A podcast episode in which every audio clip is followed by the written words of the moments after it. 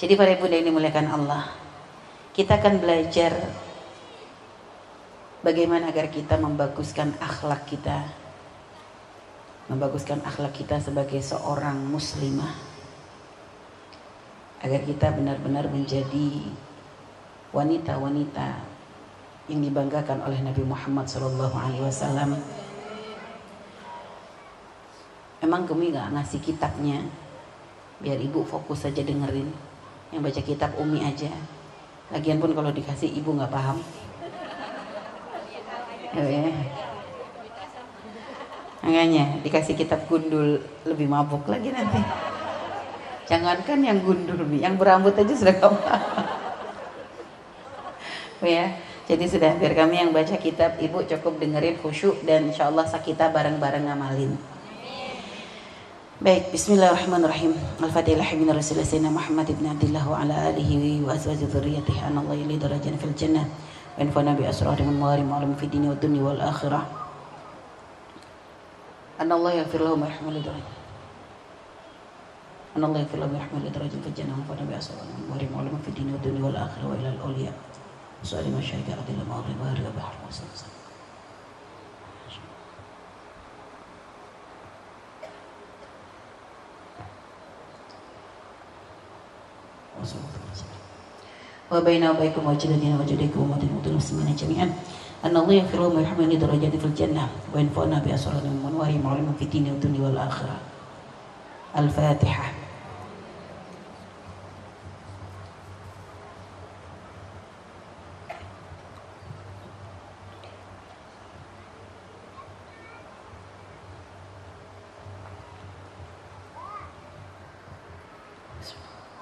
Bismillahirrahmanirrahim.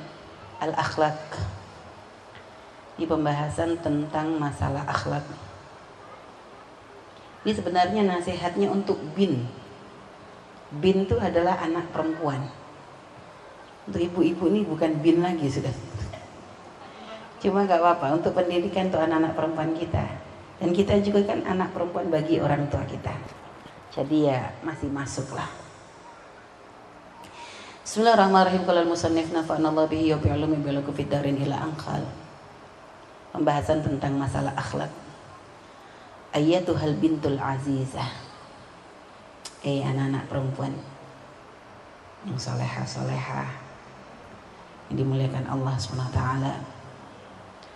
Innal akhlaqal hasanah fi sababu sa'adatiki fid dunya wal akhirah. Sesungguhnya yang namanya akhlak yang baik itu akan membawa kebahagiaan bukan hanya di dunia tapi juga di akhirat. Yarda anki rabbuki wa yaziduki fi imaniki dan itu akan menjadikan Allah ridho kepadamu dan dengan akhlak yang baik itu akan menambahkan keimananmu wa yudakhiluki jannatahu dan akan menjadikan kamu tuh bisa masuk ke dalam surganya Allah Subhanahu wa ta'ala. Wa yuwassi'u alaiki fi rizqiki fi rizkiki dan akhlak yang baik itu akan bisa menjadi sebab berkahnya rizki. Akan menjadi sebab Allah membukakan pintu-pintu rizki. Dan yang namanya rizki itu tidak mesti berupa uang gak mesti berupa kekayaan. Tapi ketika kita merasakan kebahagiaan itu rizki. Ketika kita merasakan ketenangan itu rizki ketika kita merasakan kemudahan dalam beribadah itu adalah rizki jadi pahami rizki itu dalam makna yang luas jadi rizki yang sesungguhnya adalah ketika kita itu dengan apa yang Allah beri itu kok semakin bisa dekat kepada Allah Subhanahu wa taala itu rizki yang sesungguhnya. Adapun kalau dalam bentuk harta itu bisa menjadi rizki tapi juga di situ bisa menjadi uji ujian. Karena ada banyak orang dengan nikmat-nikmat yang seperti itu lupa dengan Allah. Sehingga terlahirlah modelan orang seperti korun yang gara-gara harta yang awalnya dia ahli ibadah menjadi orang yang sama sekali menjadi orang yang takabur, sombong dengan Allah. Fi dan juga akhlak yang bagus itu akan menjadi sebab berkahnya umur dan berkahnya berkahnya umur dan hidup ya Artinya apa pun yang kita lakukan juga itu akan menjadi berkah karena akhlak yang mulia. Qala ta'ala Allah berfirman qad aflaha man zakkaha wa qad khaba man dassaha. Sungguh beruntung orang yang mensucikannya. Mensucikan apa? Mensucikan dirinya itu loh. Mensucikan pribadinya itu loh. Dengan akhlak yang baik. Wa khaba dan sungguh rugi orang yang yang merusaknya. Allah memberikan uh, kepada kita gitu ya. Jadi karena kan kullu maulidin yuladu alal fitrah. Semua orang itu terlahir dalam keadaan fitrah, dalam keadaan suci. Ya. Jadi Allah melahirkan setiap hamba Allah di dunia itu dalam keadaan bersih. Hanya tinggal nanti yang nyoret-nyoretnya itu siapa? Jadi kembali kepada tarbiyahnya orang tua. Sehingga makanya memang di sini perlu kita nih belajar bagaimana agar kita tuh bisa mendidik anak-anak kita agar mereka bisa menjadi anak-anak yang berakhlakul karimah. Akhlak karimah itu dipahami sebenarnya. Akhlak yang karimah itu perilaku yang baik. Dan itu akal kita ibu. Walaupun kita nih orang bodoh sekalipun, itu bisa menangkap kok. Kita bisa melihat. Gak pakai, gak pakai sebenarnya gak pakai harus ilmu khusus untuk melihat apakah ini akhlak yang baik atau enggak. Itu Walaupun kita orang nggak punya ilmu pun kita bisa membedakan mana akhlak yang baik, mana akhlak yang enggak. Kita melihat di jalan ada orang kok nolong orang, kita sudah paham akhlak baik. Kita melihat di jalan ada orang ngebully orang, kita langsung paham ini akhlak jelek. Kita ngeliat ada orang bentak-bentak orang lain dengan kasar di hadapan orang, misalnya kita kadang akhlak jelek. Ada orang bertutur kata lemut, akhlak baik. Jadi akal kita tuh sudah bisa menangkap mana yang baik dan mana yang buruk. Hanya kadang ada hawa nafsu yang kadang dengan pemahaman kita, dengan pemahaman akal kita bahwa ini adalah hal baik, tapi ternyata kadang kita masih terkalahkan oleh hawa nafsu yang al-ammarah bisu yang selalu mengajak kita untuk melakukan hal-hal yang buruk. Jadi ada hawa nafsu. Padahal sebenarnya hati kecil kita pun Ketika kita melakukan hal yang nggak baik itu hati kecil kita tuh ngomong loh. Hati kecil kita tuh ngingetin loh. Sebenarnya ada suara yang membisikkan jangan itu nggak bagus. Ya bu ya, nggak boleh. Tapi nanti gitu kata hawa nafsu nggak apa-apa. Daripada kamu ngempet. Ya. Hawa nafsu tuh selalu mencari pembenaran. Kayaknya bela kita. Kayaknya tuh bela kita padahal sebenarnya ingin menjerumuskan kita gitu lah. Makanya ini. Nah, selanjutnya apa? Nabi SAW bersabda, "Aktsaru ma yudkhilun nasal jannata taqwallah wa husnul khuluqi." Yang bisa menjadi sebab orang itu bisa masuk ke dalam surganya Allah itu, yang paling banyak masuk surganya Allah itu adalah ketakwaan kepada Allah wa husnul khuluqi dan akhlak yang bagus. Takwa kepada Allah itu gimana? banyak definisi takwa. Di antaranya adalah bagaimana kita itu patuh kepada perintah Allah itu yang paling sering kita pahami patuh kepada perintah Allah dan menjauhi larangan Allah. Tapi dalam makna lagi ada yang menjabarkan lebih perinci lagi seperti yang dijabarkan oleh Imam Ali karramallahu wajah yang namanya takwa itu apa? Al khauf minal jalil. Takut kepada Allah. Seorang hamba takut kepada Allah takut kepada hukuman Allah, takut kepada murkanya Allah, takut untuk melanggar perintah Allah, takut untuk melakukan apa yang dilarang oleh Allah. Jadi rasa takut menjadi seorang hamba itu yang nggak akan melakukan. Gitu. Jadi ketakutan kepada Allah itu akan menjadikan seorang hamba itu akan berhati-hati di dalam setiap langkahnya jangan sampai Allah melihatnya melakukan perkara yang dimurkai oleh Allah. Khauf. Walaupun di situ nggak ada siapa-siapa. Walaupun nggak ada yang melihat karena dia tahu nggak ada yang melihat pun Allah pasti melihat. Ini pernah di Didi ada seorang kiai gitu ya seorang guru pengen punya punya murid beberapa murid. Tapi ada satu murid itu paling disayang. Ini ceritanya sering didengar ya. Nah, satu paling disayang, akhirnya murid yang lain tuh iri. Guru tuh pilih kasih, itu toh yang disayang. Kita enggak. Guru tuh dengar muridnya sudah kasak kusuk ini. Hanya kata guru ya sudah. Satu hari ngasih tugas ke semua muridnya. Nah, aku kasih tugas kalian. Besok kamu semua bawa binatang, ayam. Lalu setelah itu, setelah besoknya datang bawa ayam semuanya, kalian sembelih katanya nih ayam, cari tempat di mana kalian tidak dilihat oleh siapa pun. Tidak dilihat oleh siapa pun. Wah mencar-mencar. Ada yang ngumpet di bawah kolong, ada yang nyumpet di bawah semak-semak, ada yang lari sana sini sini sembelih sembelih sembelih sembelih.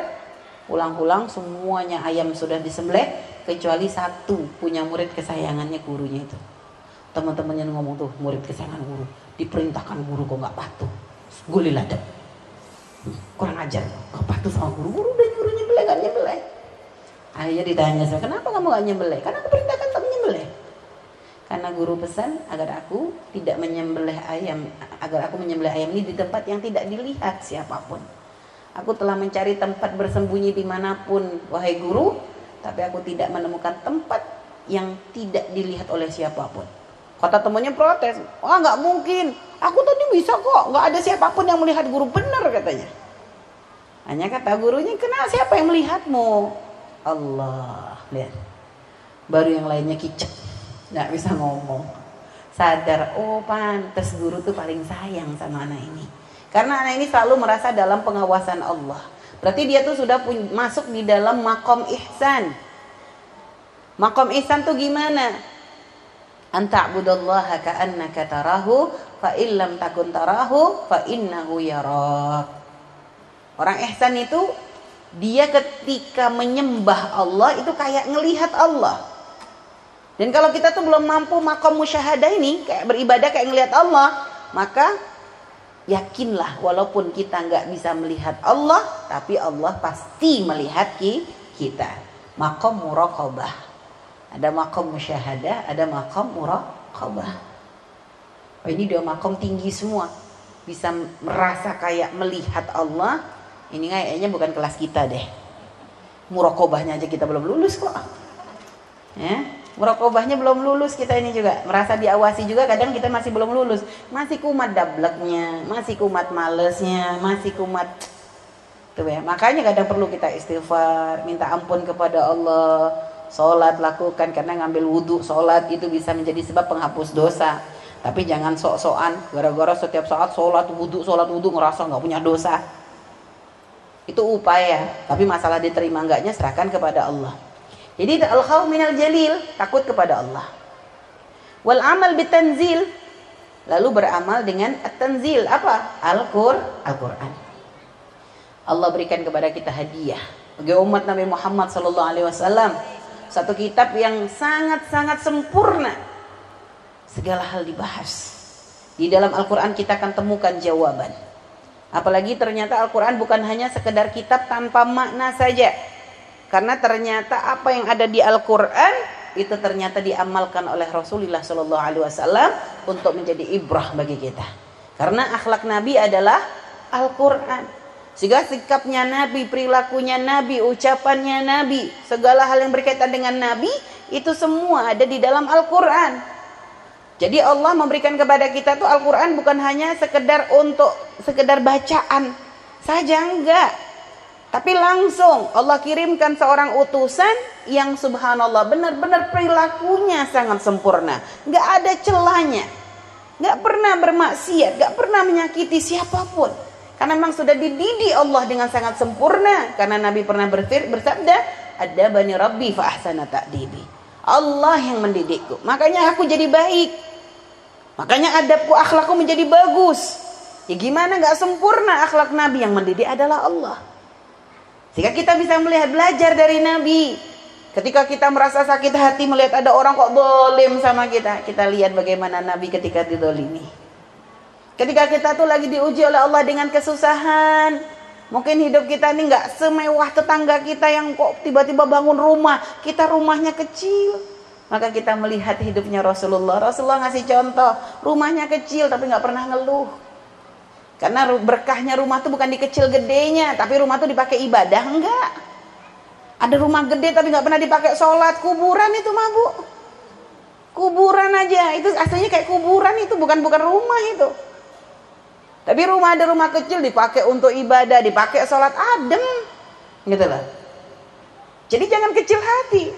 Karena Nabi itu sudah mengambil bagian yang paling tidak enak dalam hidup kita. Apa-apa yang nggak enak diambil oleh Nabi. Kenapa? Untuk nguatin umat. Biar kita tuh sebagai umat tuh teger gitu loh. Lagi susah. Ada orang, ada seorang ibu diuji, anaknya meninggal. Sedih kita.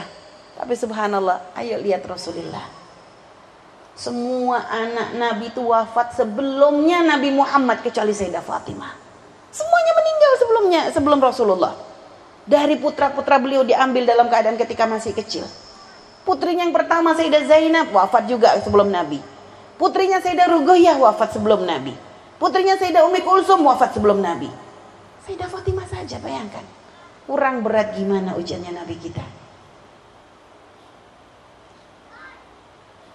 Apalagi kalau ada di antara kita didolimi sama keluarga sendiri. Bu, Nabi yang paling merangin dulu tuh Abu Lahab. Abu Lahab tuh pamannya Nabi. Pamannya Nabi sendiri yang merangi beliau. Masya Allah. Ada kita disirikin sama tetangga. Masya Allah bu, Nabi bukan cuma disirikin sama tetangga. Diusir dari Mekah didolimi sama kaumnya. Padahal Nabi itu orang paling amanah. Mereka tuh percaya dengan Nabi, tapi giliran Nabi mengajak kepada agama Allah, dikeluarkan Nabi dari kaumnya. Masya Allah. Jadi apa coba? Kita dalam hidup kita, apa kesulitan kita? Apa kesulitan kita nggak dirasakan oleh Rasulullah Shallallahu Alaihi Wasallam? Kalau ada anak, seorang anak yang yatim misalnya, sedih dengan keyatimannya, aku nggak punya ayah ibu, bu, Nabi Dua bulan di dalam kandungan coba ayahnya wafat. Nggak pernah ketemu sama ayahnya. Ibunya di usia 6 tahun beliau wafat. Punya kakek yang sayang usia 8 tahun juga ketika Nabi usia 8 tahun wafat. Lihat. Jadi kurang gimana? Luar biasa. Makanya kita tuh kalau banyak ya itulah makanya subhanallah amal bitanzil. Dengan Al-Qur'an kita beramal, lalu menjadikan sandaran kita adalah apa yang dilakukan oleh Rasulullah Sallallahu Alaihi Wasallam. Itu akan menjadikan kita tuh lebih kuat di dalam menjalani kehidupan. Kita nggak akan banyak ngeluh. Kalau ada orang ngaku kelaparan Masya Allah Nabi kita pernah merasakan lapar yang teramat sangat. Bahkan Nabi sering banget kayak begitu. Bahkan kelaparannya kita saat ini nggak akan sebanding. Nabi tiga hari pernah nggak makan loh bu. Pernah. Ada di antara kita yang kayak begitu Nabi itu saking nahan laparnya tuh ngikat perut tuh pakai batu. Kita nggak pernah sampai sampai sebegitunya. Kalaupun lapar, lapar gara-gara puasa, bukanya pun balas dendam kita. Lebih heboh lagi, malah ngabis-ngabisin dana lebih daripada makan biasa itu. Coba, kalau Nabi kalau lapar, lapar bener. Ya Allah, tidurnya nggak enak, mi kasurnya keras. Suruh lihat lagi ke Rasulullah Nabi nggak cuma keras, ngecap. Di punggungnya beliau tuh pelepah korma tuh loh, itu jadi alas tidurnya Nabi. Sampai ngecap kayak bentuk gitu kayak lo tidur gimana sih? Sayyidina Umar aja nangis kok ngeliat Nabi. Ya Rasulullah kok gitu-gitu amat sih hidupmu tuh. Raja-raja tuh enak-enak banget, kamu kok gitu?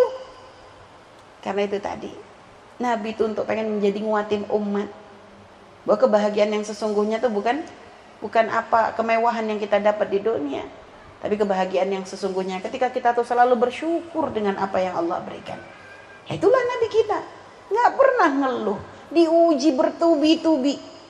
Diambil istrinya. Istri yang sangat dicintainya. Ditinggal oleh pamannya. Yang selalu menjadi pembelanya. Belum lagi di, di, diusir oleh kaum yang ingin diajak untuk berasyhadu alla ilaha illallah nggak cuma diusir dipukuli dilempari Sampai Nabi itu berdarah-darah, bayangkan. Bertubi-tubi ujian. Tapi apa yang Nabi katakan kepada Allah? Ya Allah, jika ujian ini bukan karena murkamu kepadaku, fala ubali. Yang penting bukan karena engkau murka ya Allah, aku nggak apa-apa. Aku nggak peduli dengan ujian seberat apa pun, yang penting jangan kau marah kepadaku. Lihat Nabi kita. Nggak kayak kita, Bu. Kita tuh baru dapat ujian, ya Allah, dosa apa aku?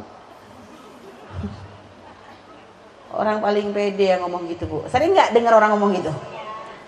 Dosa apa sih aku ya Allah? Kok bisa dengan dosanya nggak sadar? Nabi tuh kita tuh. Nabi tadi dia tuh berani ngomong gitu tuh loh. Hah? Sudah sekelas Nabi tak sampai nggak sadar dengan dosanya itu model manusia kayak apa itu?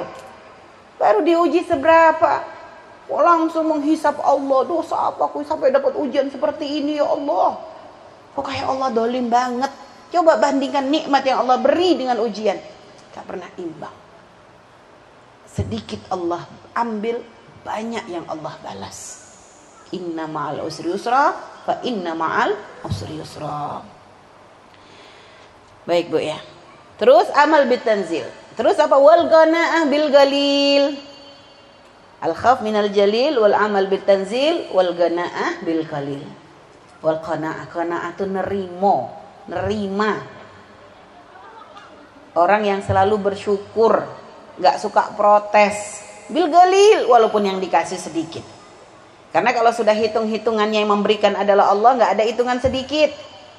Pemberian Allah tuh besar. Jadi kita nggak bisa mengatakan pemberian Allah tuh kecil sedikit tuh nggak bisa. Ubi pernah ngasih contoh kan? Ubi pernah ngasih contoh. Kita tuh kalau melihat pemberian Allah tuh, kalau seorang hamba yang kona'ah tidak akan pernah melihat pemberian Allah tuh sebagai sesuatu yang kecil. Oke, mungkin yang diberi adalah di mata manusia ini kayak kecil, tapi kita kembalikan siapa yang memberinya. Yang memberinya adalah zat yang maha besar. Sehingga kalau kita sudah memandang itu, kita nggak akan mengecilkan nikmatnya Allah. Contoh sederhananya Bu ya. Walillahil mathalul a'la. Allah punya contoh yang lebih ini lagi. Cuma ini contoh gampangnya biar kita tuh gampang paham. Ibu pernah dengar Habib Umar atau tentang Habib Abdullah Baharun, ya, guru-guru mulia, orang-orang istimewa. Kebayang nggak kita tuh kok bisa di, misalnya dikasih hadiah sama beliau gitu lah. Kayaknya oh, jauh lami, kayaknya susah lah boro-boro dapat hadiah ngeliat mukanya aja susah kan gitu nggak taunya nih bu. Orang mulia seperti beliau nggak taunya pas lagi beliau lagi di Indonesia misalnya. Beliau punya siwak. Ibu tahu siwak? Murah nggak? Bisa beli? Nggak taunya beliau punya siwak. Ibu dikasih siwak coba. Siwaknya beliau dikasihin misalnya. Bu itu kira-kira siwak tuh jadi siwak keramat nggak tuh? Ibu bakalan obrak lererin atau simpen ini dari Habib Umar nih, dari Habib Abdullah nih. Istimewa ini coba. Ya. Kenapa gitu? Padahal itu barangmu barang murah, barang ke bisa beli nggak? Bisa. Tapi kenapa jadi istimewa? Kita melihat kepada yang mem Lah kira-kira ibu, kalau urusan dengan manusia aja kita bisa gitu, gimana kita dengan Allah? Allah lebih Habib Umar hamba Allah, Habib Abdullah hamba Allah. Ini yang memberikan kepada kita siapa ini? Tuhannya Nabi Muhammad, Tuhannya kita semua. Lah bagaimana ada seorang hamba berani mengecilkan nikmatnya Allah? Ngomel dengan keadaan, ya Allah, kenapa hidupku kok susah terus? Kalau kurang ajar, enggak? Ngecilin dapat nikmat, eh duitnya cuma segini. Halah cuma dapat ini, lihat. Ngecilin loh kan, kurang ajar enggak model begini nih kurang ajar nggak model begini nih kan kita kan kurang ajar banget ini kita aja kalau tadi ngeliat ada orang dapat hadiah dari Umar nggak tuh langsung dilempar-lempar sama dia ih kurang ajar banget gitu kan itu kalau ngeliat gitu ini urusan dengan Allah gimana lebih lagi makanya memandang nikmat Allah tuh jangan dikecilkan Nikmatnya boleh kecil di mata kita, tapi hadirkan di dalam hati kita yang memberi adalah zat yang maha besar. Sehingga dengan itu akan memunculkan rasa qanaah. Sehingga dengan apa yang Allah berikan kepada kita, apa yang akan kita hadirkan di hati? Syukur alhamdulillah. Alhamdulillah. Alhamdulillah ala kulli hal. Bu ya, sama seperti Umi pernah bercerita, ada seorang hamba Allah yang dikasih ujian sama Allah, matanya buta, kakinya lumpuh, badannya compang-camping semua, kelaparan, Subhanallah bu dengan ujian yang bertubi-tubi kayak begitu tapi mulutnya selalu mengucapkan Alhamdulillahilladzi faddalani ala kathirin mimman khalaqta tafdila Segala puji bagimu ya Allah yang telah memberikan kepadaku nikmat yang tidak kau berikan kepada hamba selainku. Apa nikmatnya? Karena dengan keadaan yang seperti itu lisannya dibimbing untuk bisa mengucapkan Alhamdulillah. Jadi hamba kona'ah akan selalu melihat nikmat Allah tuh kadang dari sisi yang berbeda. Ketika orang melihat itu sebagai musibah, dia menganggap itu nih nikmat. Hamba kona'ah tuh begitu. Dia pinter di dalam melihat nikmat Allah tuh dari sisi yang nggak dilihat oleh orang lain. Ketika orang mengeluh dengan sakitnya, dia merasa, ya Allah sakit ini ngapus dosa, alhamdulillah. Gitu. Yang ngeluh sakit boleh, ibu nggak dilarang. Cuman gara-gara Umi ngomong begini akhirnya sakit kicep aja. Kata Umi nggak boleh ngeluh. Ya enggak, mau kita diajarkan untuk berobat upaya kok. Tawakal itu nanti setelah upaya, bukan langsung serta merta gitu. Cuma nggak boleh tuh ngeluh ngomel marah gitu loh. Ada kan orang gara-gara sakit kan jadi esensi marah aja bawaannya. Semua jadi salah. Suaminya diamuk, anaknya ini semua kena. Jadi sakitnya tuh bikin sakit orang lain juga. Dia nggak mau sakit sendiri kan ada modelan begitu. Ya itulah tadi nggak kona. Bu ya. Jadi walgana ambil galil. Jangan membandingkan hidup kita dengan orang lain.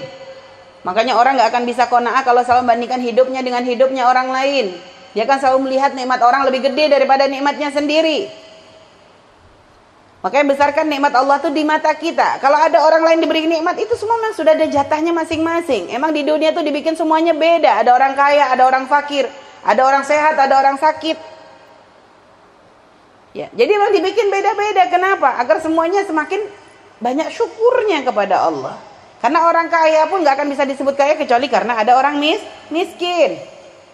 Orang kaya diberi kekayaan bukan karena Allah ini tanda Allah lebih cinta, enggak. Itu emang sudah jatah dan bisa saja itu ujian.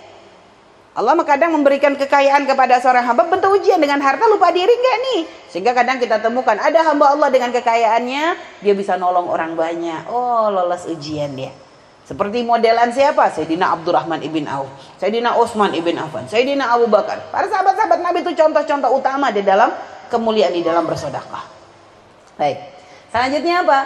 Wal isti'dad liyaumir rahil jadi kalau definisinya Imam Ali itu al khauf min al khauf uh, al khauf min al jalil wal amal bit tanzil wal gana'ah bil galil wal isti'dad li yaumir rahil. Isti'dad li yaumir rahil ini adalah selalu mempersiapkan diri dalam menghadapi kematian. Orang takwa tuh gitu. Selalu berpikir bentar lagi mati. Sehingga apa? Orang kalau selalu mikir bahwa kapan saja dia bisa mati, kira-kira masih bisa maksiat enggak? Mau ninggalin sholat? Aduh, kalau nanti mati keadaan gini, sul khotimah. Sholat ya. Mau durhaka sama orang tua? Mikir juga dia. Mati durhaka tuh nggak sul khotimah, entah gosong banget dia di neraka nanti nih. Nggak berani dia. Mau ngambil haknya orang, mau dolim sama orang, nggak berani dia. Lagi dolim dicabut nyawanya apa nggak langsung masuk neraka tanpa hisap dia nanti. Jadi mikir terus ya, mau berbuat dolim nggak berani. Kenapa? Dia selalu memikirkan saat lagi dia akan mati.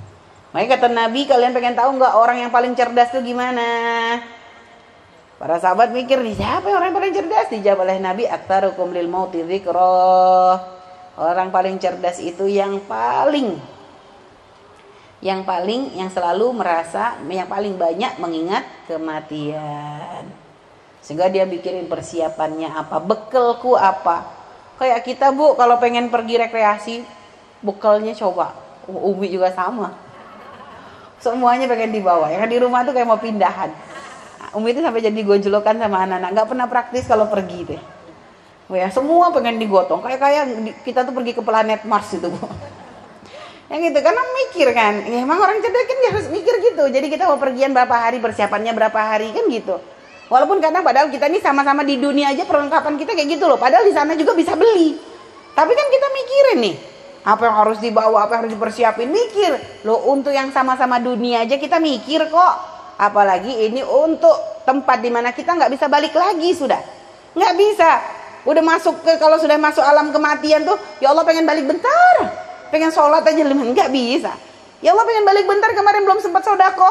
Ya Allah pengen balik bentar kemarin belum sempat minta maaf sama orang tua. Ya Allah pengen balik bentar kemarin belum dapat ridho suami. Nggak bisa sudah. Kalau sudah mati ya mati. Sehingga makanya orang cerdas tuh mikirin dia. Jangan sampai dia mati dalam keadaan orang tuanya nggak ridho. Jangan sampai mati dalam keadaan suaminya nggak ridho. Dalam jangan sampai dia mati dalam keadaan masih bolim sama tetangga.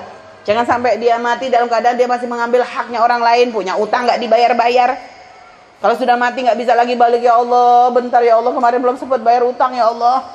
Ya nggak bisa. Sudah kamu salah, kamu ngentengin utang makanya jangan suka lari dari utang. Sedikit-sedikit itu namanya hutang, hutang ada hitungannya. Karena sekarang banyak orang suka kabur dari hutang. Kalau hutang semangat, giliran waktu bayar ngilang. Oh ya, insya Allah sini amanah semuanya. Baik bu ya. Jadi itu tadi takwa. Kalau ada lagi makna lain lagi takwa itu apa? Menyeimbangkan antara urusan dunia dengan urusan akhir akhirat. Di dalam Al-Quran mana takwa itu macam-macam. Mana takwa beriman kepada hal-hal yang gaib. Tapi juga ternyata di dalam takwa berkaitan juga ternyata takwa itu dengan akhlak. Karena Allah berfirman di dalam Al-Quran, wasari'u ila maghfiratin min rabbikum wa jannatin arduha samawati wal ardu samawati wal ardu u'iddat lil muttaqin. Wasari'u ila maghfiratin min rabbikum. Ayo bersegera. Bersegera untuk menuju kepada rahmat Allah dan surga Allah yang luasnya lebih luas daripada langit dan bumi. Yang disiapkan apa? U'iddat lil muttaqin. Allah siapkan bagi orang yang bertakwa. Yang bertakwa tuh kayak gimana sih? Nah, ternyata versi lain di dalam Al-Qur'an,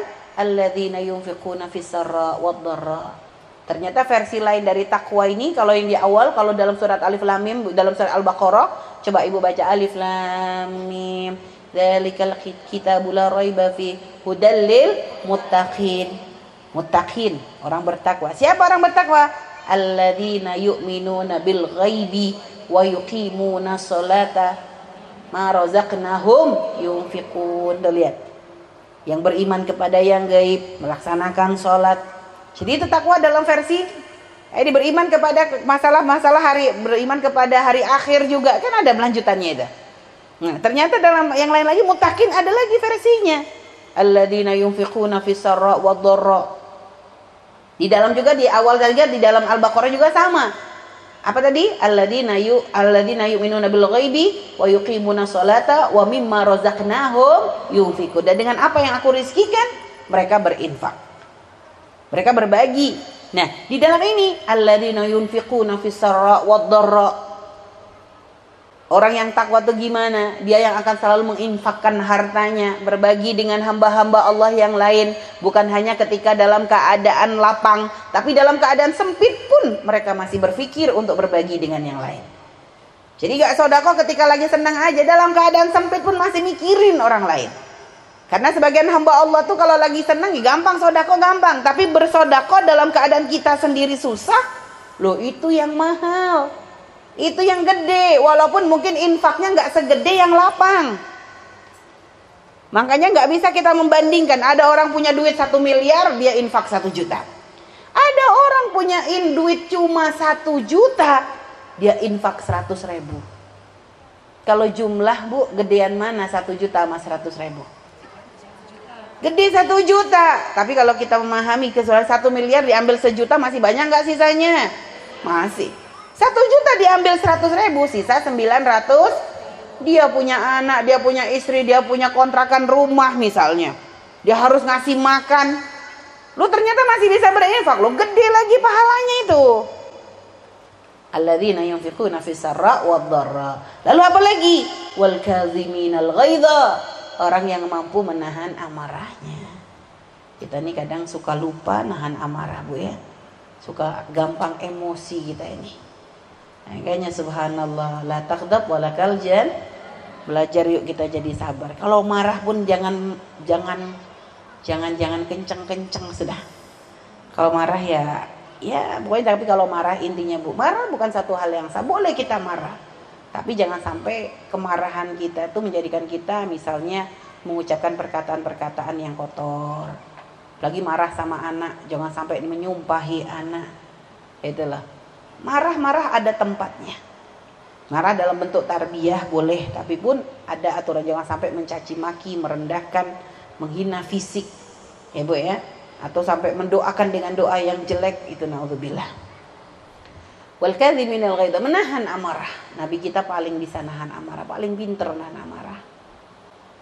Ya, setelah itu apa? Ternyata nggak cukup dengan menahan amarah, tambahkan lagi wal afina anin nas Ternyata nggak cuma cukup menahan amarah, dia juga harus menjadi orang yang mudah memaafkan orang lain.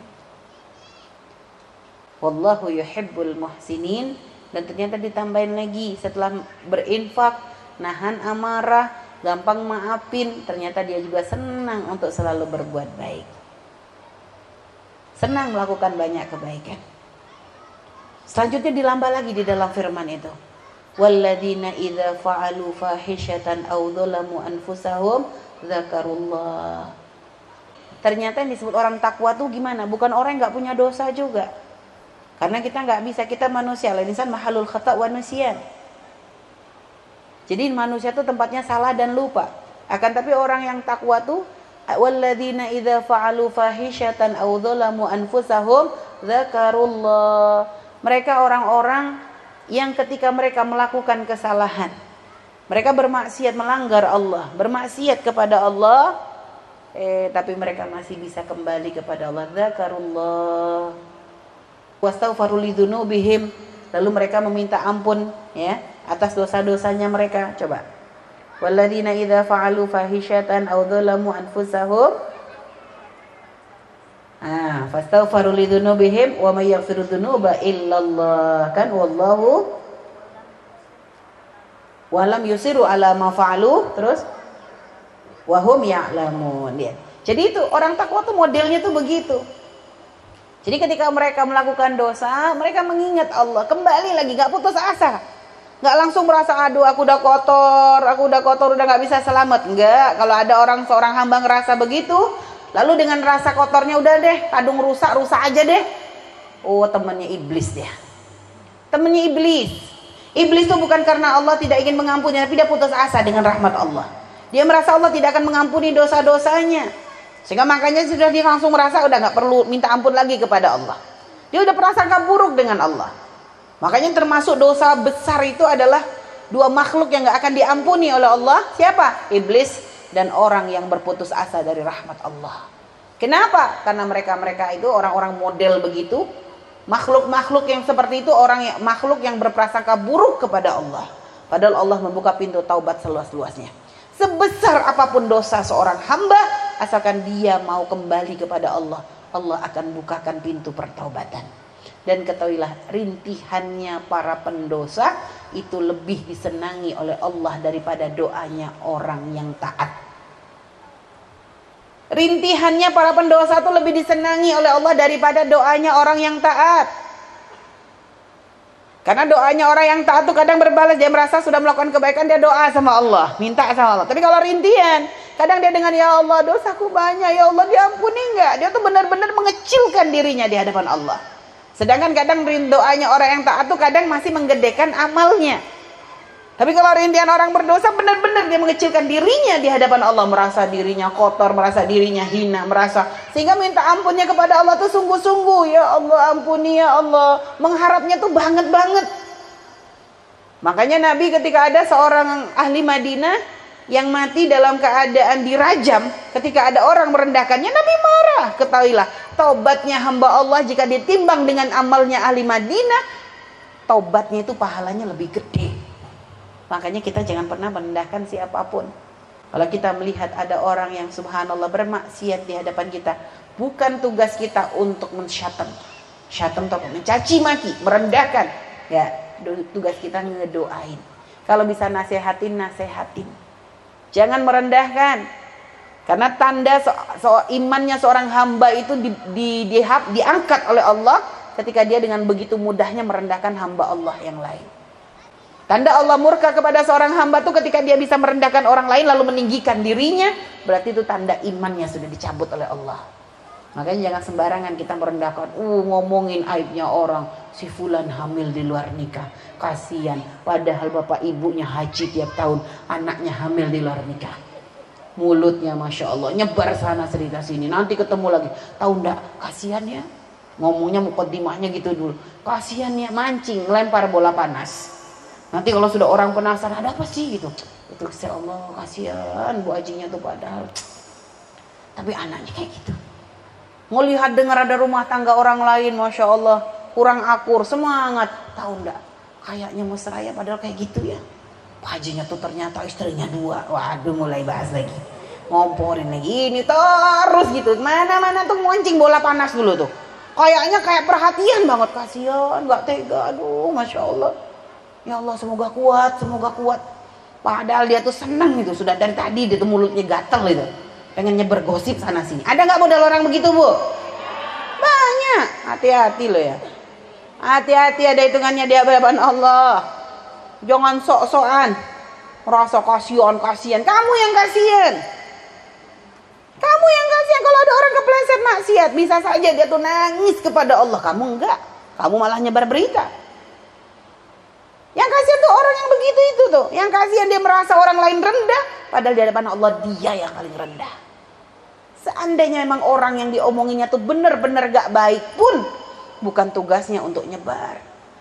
Seharusnya malah kita tuh punya tugas untuk menutup aib dari saudara-saudari kita yang bermaksiat. Nah, itu tugas kita. Nah ini ya. Jadi subhanallah. Baik. Jadi itu tadi masalah takwa. Jadi yang paling banyak masuk surga kata Allah orang yang punya ketakwaan dan punya akhlak yang baik. Wa qala aidan Nabi bersabda akmalul mu'minina imanan ahsanuhum khuluqa. Paling sempurna imannya seorang mukmin adalah yang paling bagus akhlaknya dan ciri imannya seseorang itu luar biasa ketika dia bisa membarengi antara keimanan dengan akhlak. Iman kepada Allah dan dibarengi dengan akhlak yang baik itu ciri-cirinya. Perilakunya baik, tutur katanya santun, sikapnya lembut. Urusan dengan Allah dia bagus, urusan dengan manusia dia baik. Kalau ribut dengan orang dia ngalah, kalau ini jadi begitu. Dalam kesehariannya tuh begitu. Akhlaknya bagus. Orang duduk dekat dia adem, Kan ada bu, orang tuh kalau lagi ngumpul sama seseorang gitu, ada kan kita tuh ngerasa ikut adem gitu. Tapi ada kita tuh deket sama orang panas bawaannya.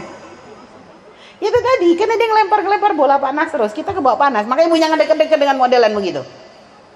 Kalau dia datang pergi aja sudah. Daripada ibu kena lempar juga. Karena orang yang biasa membuka aibnya orang lain, lihat. Hari ini dia buka aibnya orang lain, besok aib kita yang akan dikorek-korek oleh orang itu. Makanya jangan senang kumpul sama orang modelan begitu bu. Naudzubillah. Semoga Allah menjauhkan kita dari makhluk-makhluk seperti itu bu ya. Dan kalau ada semoga Allah berikan hidayah. Ya, karena nggak agak nggak akan manfaat dan itu akan membawa akan bawa musibah. Dan ketahuilah ketika kita mengorek aibnya orang lain, itu sebenarnya kita mengundang murka Allah.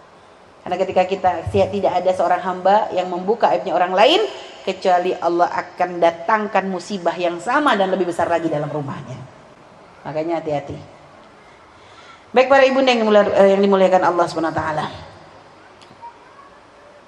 Wa qala aidan, Nabi bersabda lagi nih tentang orang-orang yang berakhlak yang baik nih Bu. Innal mu'min la yudriku bi husni khuluqihi darajata shaimil qaim. Dan ketahuilah seorang mukmin yang punya akhlak yang bagus itu bisa sama pangkatnya, dia bisa sampai pangkatnya orang-orang yang ahli puasa dan ahli baqiyamul lail Orang ahli ibadah itu bisa ditandi, bisa di disaingi dengan orang-orang yang akhlaknya bagus. Waqala Hakim fi saat uh, fi saatil akhlak. Ah, waqala Hakim berkata Imam Hakim fi saatil akhlak kunuzul arzak. Kata Imam Hakim di dalam akhlak yang bagus, akhlak yang bagus itu akan membawa kunuzul arzak, kunuz. Kunus tuh kayak harta apa bu ya? Harta kayak harta simpanan. Jadi eh, rizki yang kayak harta karun gitu loh bu kunus tuh.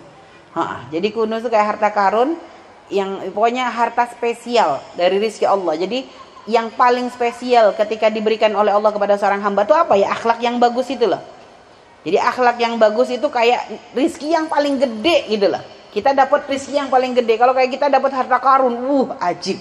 Tapi akhlak yang bagus mengalahkan itu semuanya. Wabil akhlakil hasanah yuhibbuk uh, yuhibbuki usratuki wa jami'un nas. Dan dengan akhlak yang baik lihat maka akan menjadikan sebab kita tuh dicintai oleh keluarga dicintai oleh semua manusia suami tambah sayang ya. Kenapa? Akhlak istrinya lembut. Tapi coba kalau ibu tiap saat marah-marah terus sama suami ngomel terus sama suami ngobrol ngomongin suaminya depan suamiku tuh nyebelin. Bahas belum lagi nanti gak puas ngomongin sama orang masih pasang status. Hidup kok gini-gini amat mancing kirain nikah tambah bahagia. Mulai. Allah ada kadang kenapa ya Allah bu ya zaman-zaman sekarang tuh semua permasalahan kayak mau diobral Anaknya ribut sama tetangga, bahas di sosmed. Suaminya begini, bahas sosmed. Semuanya. Kok kayak pengen aibnya, sudah orang tuh gak malu lagi untuk mengobrol kemesraan, mengobrol aib, mengobrol kemarahan, mengobrol masalah. Itu kok kayak semua jadi gimana mau mencari pertolongan Allah? Padahal kata Nabi ista'inu bil kitman. Nabi sudah ngajarin kita kalau kamu punya masalah, maka mintalah pertolongan Allah bil kitman dengan cara apa? Diem, nyembunyiin. Jangan banyak ngomong. Itu akan mendatangkan pertolongan Allah lebih cepat daripada kita obrol sana, obrol sini, cerita sana, cerita sini. Satu kampung tahu semua. Kan banyak orang model begitu. Nggak ada ketemu orang kecuali dia cerita masalahnya. Nggak ada ketemu orang kecuali dia bahas suaminya. Nggak ketemu ini ketua terus diceritakan. Kejelekan orang lain, naudzubillah bu ya. Ista'inu bil kitman. Punya masalah dengan suami. Kalaupun memang harus cerita, cerita ke orang yang memang bisa memberi solusi. Bukan ke sembarangan orang. Cari yang punya bisa solusi. Karena kalau nggak ada solusi ngapain diceritain? Itulah. Jadi cari ceritalah kepada orang yang bisa memberikan solusi untuk bagaimana kita menyelesaikannya nih loh. Nah, itu Bu ya. Wa ta'ishina bainahum mahbubatan muhtaramatan dan kamu akan bisa hidup di antara mereka dalam keadaan dicintai dan terhormat. Wa ammal akhlaqus sayyi'ah adapun akhlak yang buruk. Fahiya aslu syaqawatiki fid dunya wal akhirah. Itu adalah kesengsaraan. Tanda-tanda kesengsaraan di dunia ke kecelakaan celaka di dunia kerendahan itu di dunia dan di akhirat. Yang kusu imanuk akan mengurangi keimananmu. Orang yang kalau sudah akhlaknya buruk lihat keimanannya akan semakin berkurang ibadah tambah susah hidupnya nggak akan tenang. Wa yaskhatu alaiki rabbuk akan menjadi sebab Allah murka kepadamu. Fayudkhilukin nar akan memasukkan kamu ke dalam neraka. Wa yudiku alaiki fi rizki kamu akan merasa sempit dalam urusan rizkimu. Wa yanzi'ul barakah min umurik akan mengangkat berkah dari umurmu. Wa a'malik dan juga amal perbuatanmu. Wa fil hadis di dalam hadis su'ul khuluqi syu'mun. Ya jadi akhlak yang buruk tuh sudahlah ya. Akhlak akhlak ya. Akhlak yang jelek itu semua akan bawa celaka ya. Kalau hakiman sa'akhluku dhakar rizku kata Imam Hakim yang jelek akhlaknya maka akan sempit rizkinya. Wa'adzaba nafsahu dan itu akan menjadikan menjadi siksa bagi bagi dirinya. Nah ini gambaran tentang orang-orang uh, yang berakhlak buruk. Wabil akhlaki sayyi'ah dan orang yang berakhlak buruk Eh, yubghiduki ahlu baitik akan menjadi sebab keluargamu tuh marah kamu tidak disukai oleh keluargamu wa jami'un nas akan dibenci oleh manusia wa ta'ishina bainahum muhtaqarat muhtaqaratan wa dan kamu akan hidup di, di, di antara mereka dalam keadaan terhina terendahkan karena perilakumu yang tidak baik. Jadi itu ya. Ini gambaran awal tentang masalah akhlak. Masih banyak nih pembahasannya. Bu ya, insya Allah pertemuan berikutnya nanti kita akan kembali melanjutkan eh, apa tentang pembahasan masalah akhlak ini. Makanya di sini memang akhlak itu itu nggak bisa serta merta. Itu harus pendidikan yang memang sudah mulai dilatih ketika kita masih kecil. Kami pernah nemuin waktu itu ada anak kecil ngomongnya tuh lembut banget. Kami itu sampai bingung ngomongnya tuh lembut ngomongnya tuh kromo inggil ya. Inggil inggil kromo inggil. Ngomong tuh pakai bahasa enggak kalau ngomong tuh kayak orang sindenan. Kayak orang nyanyi sinden. Umi itu sampai malu sendiri kalau ngomong sama dia sampai aduh kalah saing sudah ini nih. Ngomongnya tuh lembut gitu. Ya kebayang nggak? Sudah dilatih ngomong gitu kira-kira bisa marah nggak? Paling kalau marah ojo. Jangan eh makanya memang subhanallah ya. Emang kadang pengaruh gitu. Ya Allah kalau kalau Cirebon ke Cirebon apa bu? Beli. Ada kalau Cirebon itu logatnya nggak bisa nggak bisa halus memang. Kalau Cirebon itu nggak bisa halus. Uh, J J-nya tuh tegas gitu kalau beli J beli J.